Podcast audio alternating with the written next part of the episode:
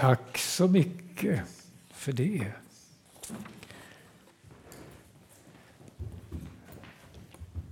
Jag vill börja med att önska er frid allesammans. Guds frid. Ni vet att eh, jag tycker så mycket om att eh, hälsa med frid. Det är lite skillnad på att hälsa med frid och att hälsa med hej. Vet ni vad det är för skillnad? Jo, hej, det är ju liksom att jag känner igen dig, jag vet vad du heter, jag vet vem du är.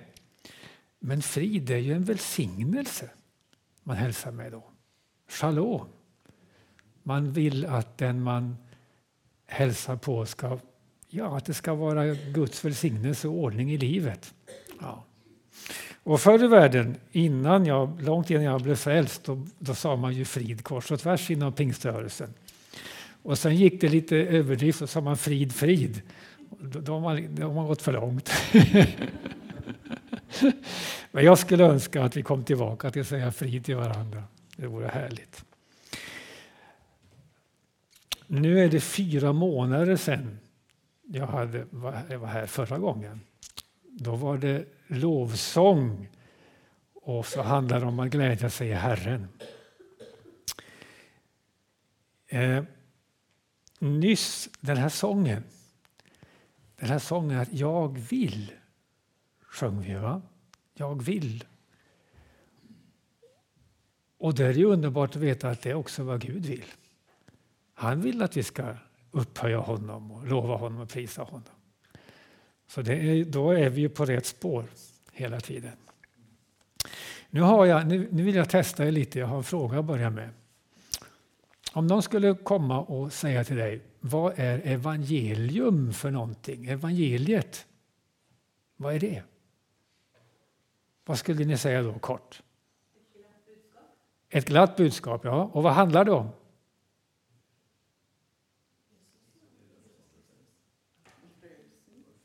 Frälsning. Försoning. Ja. Förlåtelse. Vad sa du? Guds kraft till var och en som tror. Ja. Mm. Nu är det så här att allt det där är rätt. Men det är inte, det är inte hela svaret. Och, och, och, och nu ska vi slå upp eh, Lukas 4 och 43. För visst är det ett glädjebud om förlåtelse och frälsning. Men Jesus säger själv en väldigt intressant sak eh, i Lukas 4.43. Så här står det. Men han sa till dem, också för de andra städerna måste jag predika evangeliet om Guds rike. Det är därför jag har blivit sänd. Evangeliet om Guds rike. Det var därför Jesus blev sänd. Och allt det här som vi nu nämnde då, det är ju en del av detta. Och det här tänker vi sällan på. Men Jesu budskap är evangeliet om Guds rike. Och eh, lite innan Jesus sa detta då, innan han trädde fram, så sa Johannes döparen så här. Himmelriket är nu nära, sa han strax innan Jesus trädde fram. Himmelriket är nu nära. Om vi tar och tittar i, i, i Matteus 4 och 17. 4 och 17. Eh, och det var ju ganska strax efter det som Johannes hade sagt om honom. I Matteus 4.17 så står det så här. Från den tiden började Jesus predika och säga Omvänd er, ty himmelriket är nu här. Johannes säger att det är nära och Jesus säger att nu är det här. Alltså det som Daniel och andra profeter i Gamla testamentet talade om. Det har kommit, säger Jesus. Nu är det här. Nu har det kommit. Och om man nu skulle läsa, om, ni, om, man skulle, om man läser evangelierna så här lite rakt igenom. så är det långt över hundra gånger som det här är nämnt. Alltså det står Guds rike eller det kan stå himmelriket, det är samma sak. Ibland står det Jesu rike, ibland så står det bara riket. Långt över hundra gånger är det här med. Det är liksom det centrala budskapet att det handlar om, om riket, Guds rike, himmelriket. Och Jesus säger omvänd er. Och att han säger omvänd er beror ju på det att människor har ju tappat fokus och har glömt bort vad det handlar om egentligen. Och han vill att de ska komma tillbaka till vad det är för någonting. Men vad är det då för någonting egentligen? Varför måste Jesus gång på gång förklara och säga ungefär så här. Vad ska vi likna himmelriket vid? Vad är Guds rike likt? Gång på gång på gång säger han detta. Varför måste han göra det? Jo, det var ju något nytt som kom med Jesus. Han kom med någonting helt nytt. De hade hört talas om det men de kände inte riktigt igen det. Så att det enklaste faktiskt att säga, vi börjar med vad är, det, vad är det inte för någonting? Vad är Guds rike inte för någonting? Det är inte som den här världen som vi känner, som vi, som vi har vuxit upp i och som vi lever i och som vi dagligen, ja, som vi dagligen möter. Va? Alltså, Eh, Guds rike är inte av denna världen. För den här världen är i djävulens våld. Den här världen är ockuperad av honom som kallas för världens, denna världens första. Den här världen är skild ifrån Gud. Och som det är nu så är människan Guds fiende.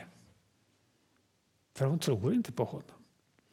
För vare sig hon förstår det eller vi förstår det eller inte va, så är det egoism som kännetecknar världen. Avundsjuka, girighet, sexuell omoral av alla de slag, sjukdom, mord, krig och död. Det är vad som kännetecknar den här världen. Den här världen är ondskans rike och det är människans vardag. Det kan se väldigt bra ut på ytan det är polerat, men om man liksom kikar innanför och förstår vad är det som ligger bakom det som händer, vad är det som råder och styr, varför ser det ut som det gör? Då vet vi att det där vackra, det är bara lögn. Och Guds rike är inte alls detta. Guds rike är inte som en stat eller en nation, ett land. Det är så vi är vana att tänka att ett rike är. Med gränser. Det här är mitt och det här är ditt. Och det, det, det är väldigt tydligt när man ser nu vad som händer i Ukraina. då. Hur, hur, hur, gränser är så viktiga och man ska ha positioner och vem som ska bestämma, vem som ska råda. Men det är inte, Guds rike är inte alls på det sättet. Guds rike handlar om herravälde finns ett gammaldags ord på svenska. Kungligt herravälde skulle man kunna säga. Kungadöme som inte har några gränser alls. Utan det är Guds herravälde där hans sanning, hans liv, renhet och kärlek råder. Och var råder det någonstans då? Jo, i, i människan. Det är i människan själv som hans rike finns. Det har inte att göra speciellt mycket med, med prylar och saker och ting. Och, utan det, är, det handlar om människans egen natur, hur den är. Och om den är vänd mot Gud eller inte. Så Guds rike, Guds rike är något alldeles speciellt något som inte liknar världen alls. Och det är Jesus som liksom sätter igång Guds rike, om man säger så, ungefär startade kan man säga, när han kommer. då. Det är då det börjar. Jesus som utövar Guds makt och hans vilja. Det är han som är herre och konung i Guds rike genom vad han talar. Han talar ju skapande ord, det förvandlar, eller hur? Genom under och tecken som han gör. Alla som han botar och allt det som han gör som ingen annan har gjort. Ni vet, gå på vatten och tala till stormen och allt det där. Det som kännetecknar Guds makt över sin egen skapelse, Guds makt över materien. Där är också Guds rike. Jesus är Guds rike. Där Jesus är, där finns Guds rike i funktion. Och när Jesus har så att säga startat det hela, sen, sen går det vidare. Och han skickar ut de tolv, de som han har utvalt. Då. Och han säger till dem, gå ut, gå ut och bota sjuka och predika och säg, himmelriket är nu här. Och de går ut. Och kommer du ihåg vad som händer sen då? Kommer de kommer tillbaka. De kommer tillbaka och är glada, eller hur? Va? Och så säger till och med de onda andarna lyder oss, säger de. Himmelriket är i funktion. Helt, helt fantastiskt. Och vad är det de predikar? De säger ju kom till Jesus. Kom till Jesus, tro på honom. Kom in i himmelriket, säger de. För när man omvänder sig, alltså när man börjar tro på Jesus, då händer ju någonting. Det händer någonting här. Du blir Guds barn och du kommer in i himmelriket. Så finns du där. Alltså, Guds rike det är ju de som tror på honom, som älskar honom och som lyder honom. Därför att de älskar honom. Det är det som är nyckeln. Man lyder därför att man älskar honom. Och varför älskar man honom då? Jo, därför att han har förlåtit oss, eller hur? Han har demonstrerat sin kärlek när Jesus kom hit. Och det är levande och det är sant. Och vi vet att det har hänt någonting med oss. Det har hänt någonting med mig och det har hänt någonting med dig. Vi har blivit födda på nytt, vi har blivit hans barn. Man är född på nytt genom den helige Ande. Och om man nu har kommit in i himmelriket då har man ju lämnat någonting, eller hur? Man har blivit uttagen ur världen, säger, så säger skriften. Uttagna ur världen. Och in i hans församling. Eller kyrka om man vill säga det. In i hans församling. Där finns man när man har kommit till tro. Men nu är det ett väldigt stort problem. För världen är ju kvar. Elände, elände att den är kvar skulle jag vilja säga. Men det, det, ja, så är det, världen är kvar. Så är det. Riket har kommit, men det har inte kommit helt och fullt ännu. Världen är kvar. Himmelriket eller Guds rike, Jesu rike, det har kommit förvisso, men det har inte kommit i sin fullhet. Det är något tillfälligt som är nu. Det är någonting som är under en viss tid. Och det är gjort på det sättet för att förbereda för fullheten när Jesus kommer tillbaka. För han ska ju komma tillbaka och göra allting nytt, eller hur? Det gamla ska försvinna. Men det som vi nu lever i, himmelriket som vi lever i, är en process som pågår för att förbereda det som ska komma. Då. Himmelriket ska inte förändra världen. Himmelriket är inte Det är inte meningen att världen ska bli förvandlad. Den kan bli förvandlad om det är många som lever ut sitt kristna liv. Men det är inte det som är syftet egentligen. Va? Syftet är att rädda människor ut ur världen. Att de ska bli Guds barn. Att de en gång ska kunna stå inför hans ansikte och bli förvandlade. Det är det det handlar om. Det är alltså himmelriket, ni vet den här, det är Guds fisknot i ett hav. Och havet är djävulens hav. Det låter otäckt, men det är så. Det är där som, man, det är där som den här fisknoten finns, för att fånga och rädda människor. Och vårt problem är att vi blir lätt förvirrade och kluvna. För det här världens system, dess logik och dess moral, det, det pressar oss från alla håll. Och vi blir sjuka och vi blir missmodiga och så tappar vi fokus. Vi vet att vi, vet att vi tillhör himmelriket, men världen är så påträngande. Och det är därför så säger Jesus, sök först Guds rike. Sök först Guds rike så ska allt det andra tillfalla er. Och det där missar vi ju ofta. Gång på gång förklarar Jesus med e- många exempel vad himmelriket är. Och exempel och också handlingar som vi kan komma ihåg och glädja oss åt, det som han gjorde.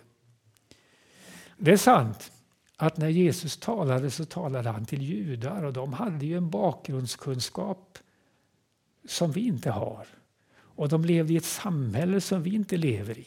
De hade traditioner som inte vi har. Men, och de såg sig själva som ett utvalt folk. Och det blev, ju en, nästan en, det blev nästan svårare för dem att ta emot det för det var inte riktigt vad de hade väntat sig, det som Jesus kom med.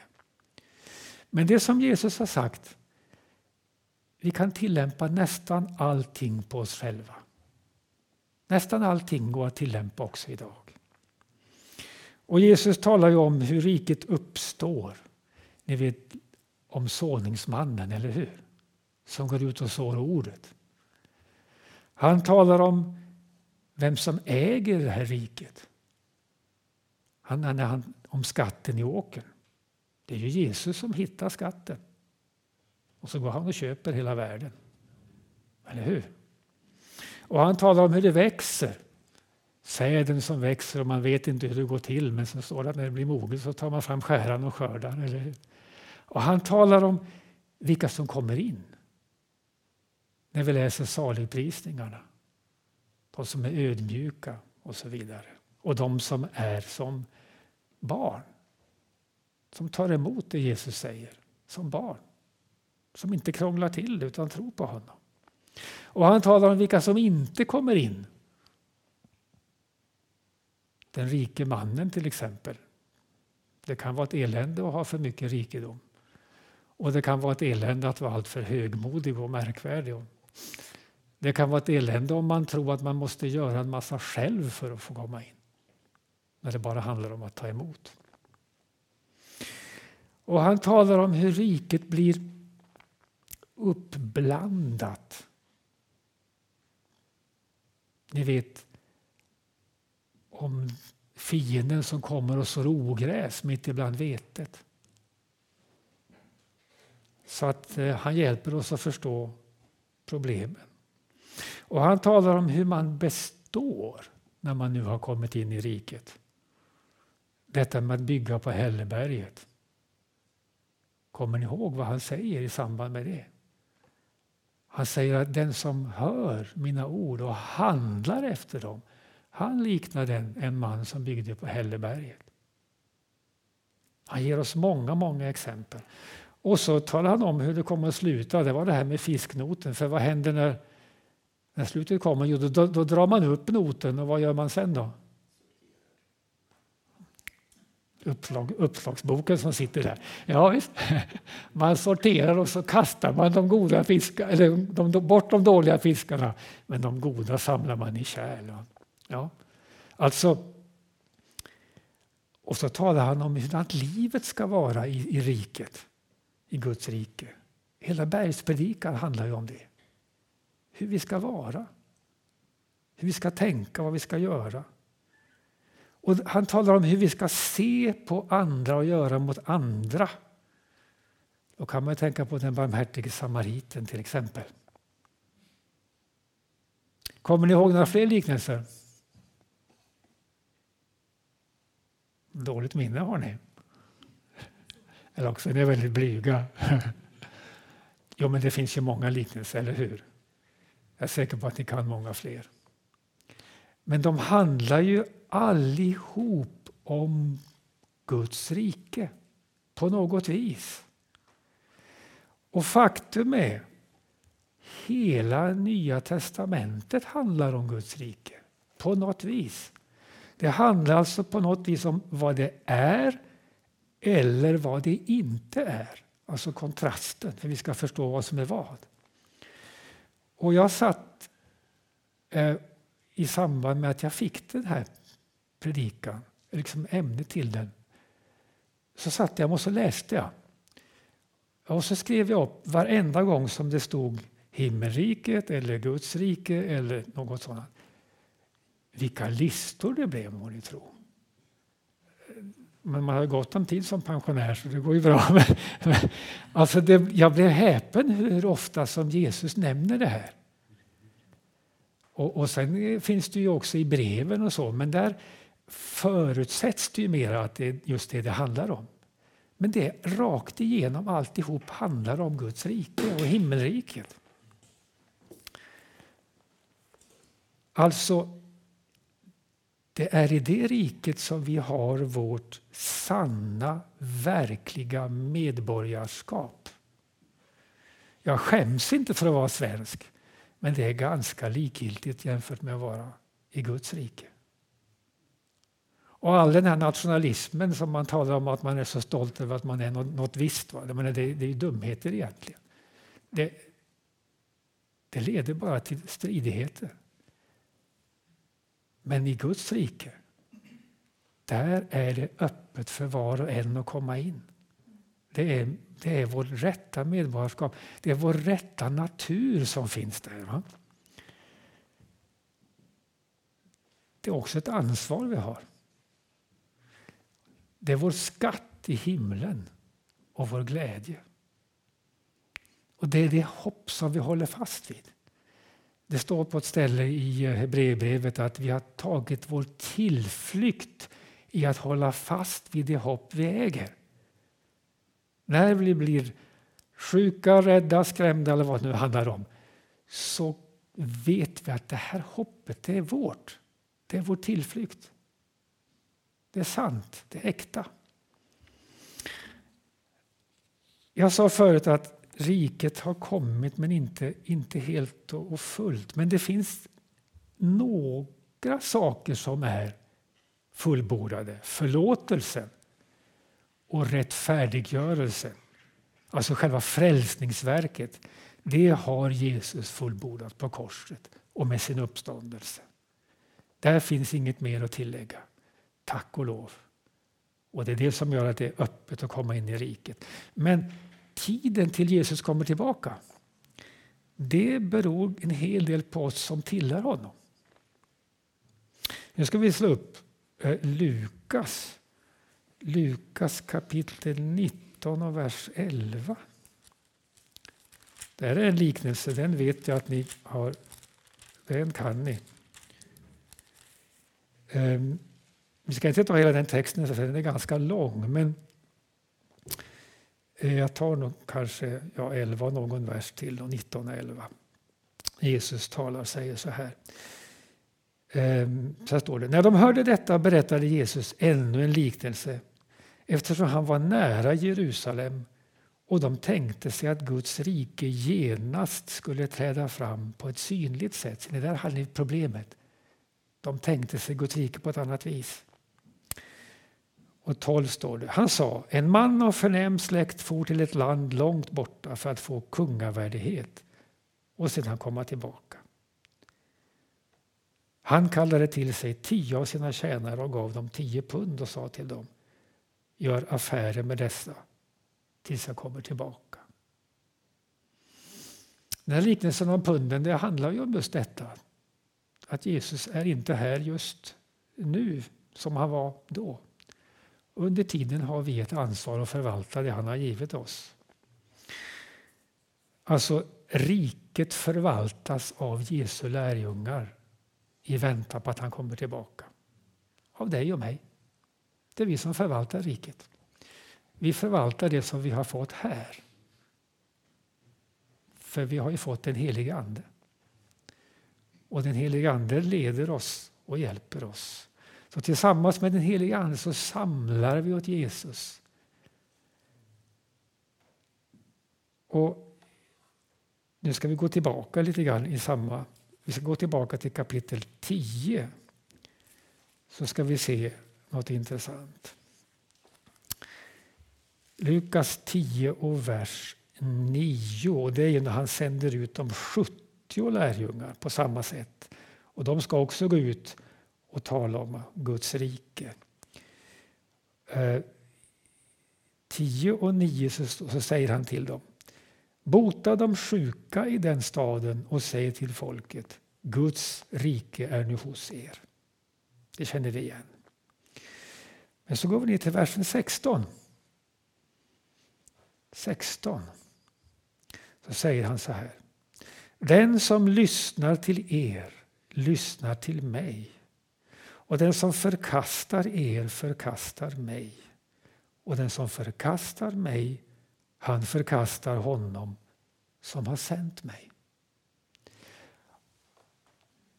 Jesus vet om att det finns en del som tar emot och en del som förkastar. Det är, ingen, det, det, är liksom, det är ingen överraskning för honom att det är på det sättet. Och det vet ju vi också att det är så. En del tar emot och en del förkastar. Vi som har tagit emot, vi vet ju att det var ju en tid innan vi tog emot då vi förkastade. Så var det för mig i alla fall. Jag vet att det finns de som blev frälsta när de var fem sex år och sådär. Men, men de flesta har gjort ett val någon gång. Va? Och innan man har tagit emot så har man förkastat. Och en del de, de tar aldrig emot. Men Jesus vet om det. Han har koll på det. Eh, det är liksom inget konstigt med det. Det är uppenbart att många kommer att förkasta men förutsättningen är ju att de får ställs inför ett val. Det är vår uppgift.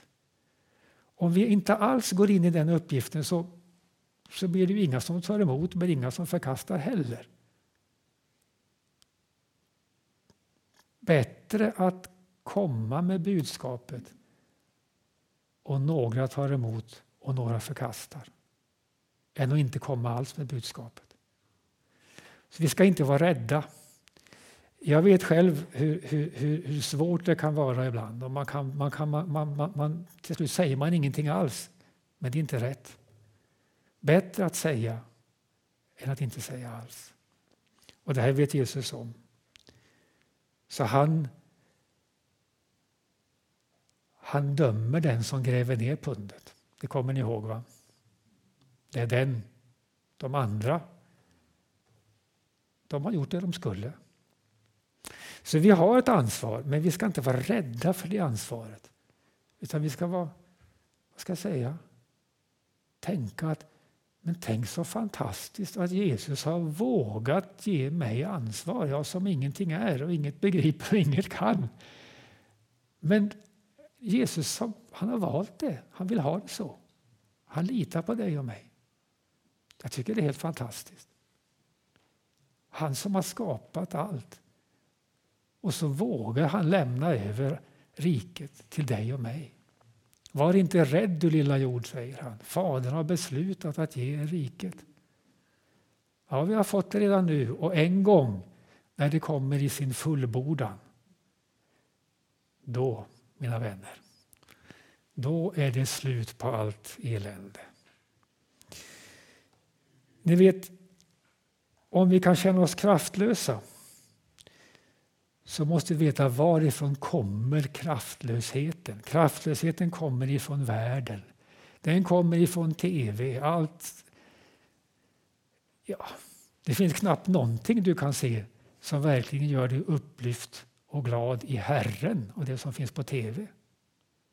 Tid, tiden går när man tittar, men inte blir man, inte blir man stark i Herren av det. Eller det mesta som finns att läsa, eller alla möjliga spel som finns på internet och annat. Eller politik. Det, det är skräp egentligen alltihop. Det leder inte till Gud. Visst, man behöver veta vad som händer lite grann i världen så man inte är helt borta. Men det är inte det, är inte det som ger glädjen och kraften och friden. Va? Utan kraften. Ni vet, Guds rike definieras som rättfärdighet, frid och glädje i den heliga Ande, eller hur? Rättfärdighet, den kommer från Gud. Friden, ja, det är när vi gör hans vilja. Det är när vi litar på honom. Och glädjen här kommer från samma sak. Och Visst, det kommer av att vi läser ordet. Det kommer av all tröst vi kan få där. Det kommer, det kommer av att vi gör hans vilja. Och det finns en sak här som jag särskilt vill, det är egentligen det som jag vill komma fram till idag. Att det kommer från sann gemenskap i församlingen.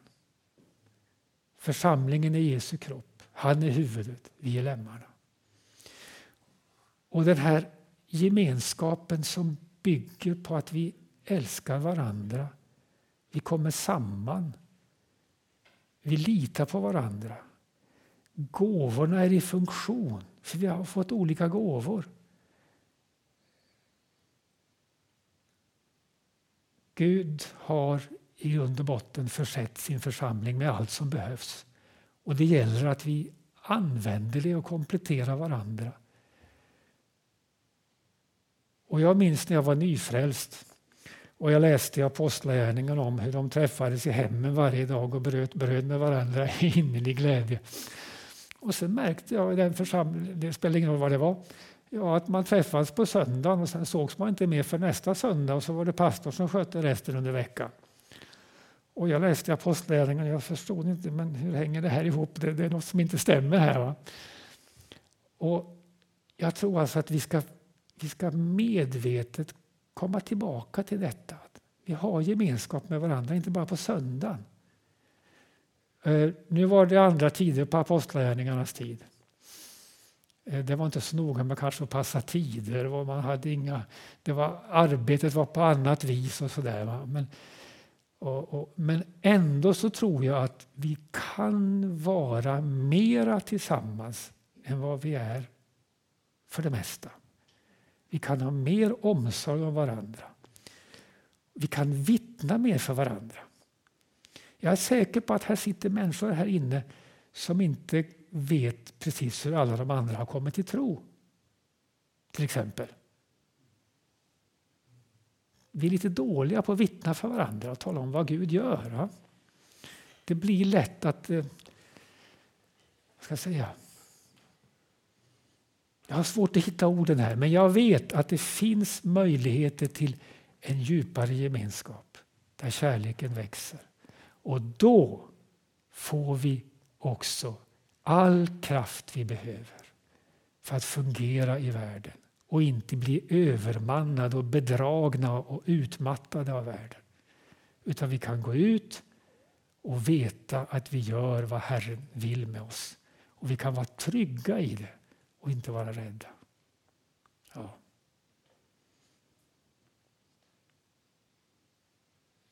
Det var det jag ville säga idag.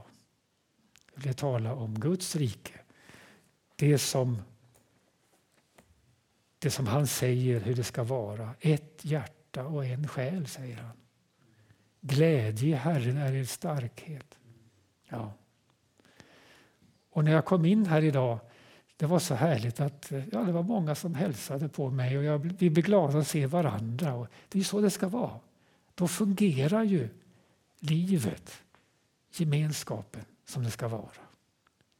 Vi ska akta oss för att komma ifrån varandra egentligen. Det är väldigt viktigt. Herren vill. Han säger ju faktiskt i första Johannes brev. Vet ni vad han säger till oss? Det befaller jag er att ni ska älska varandra, säger han.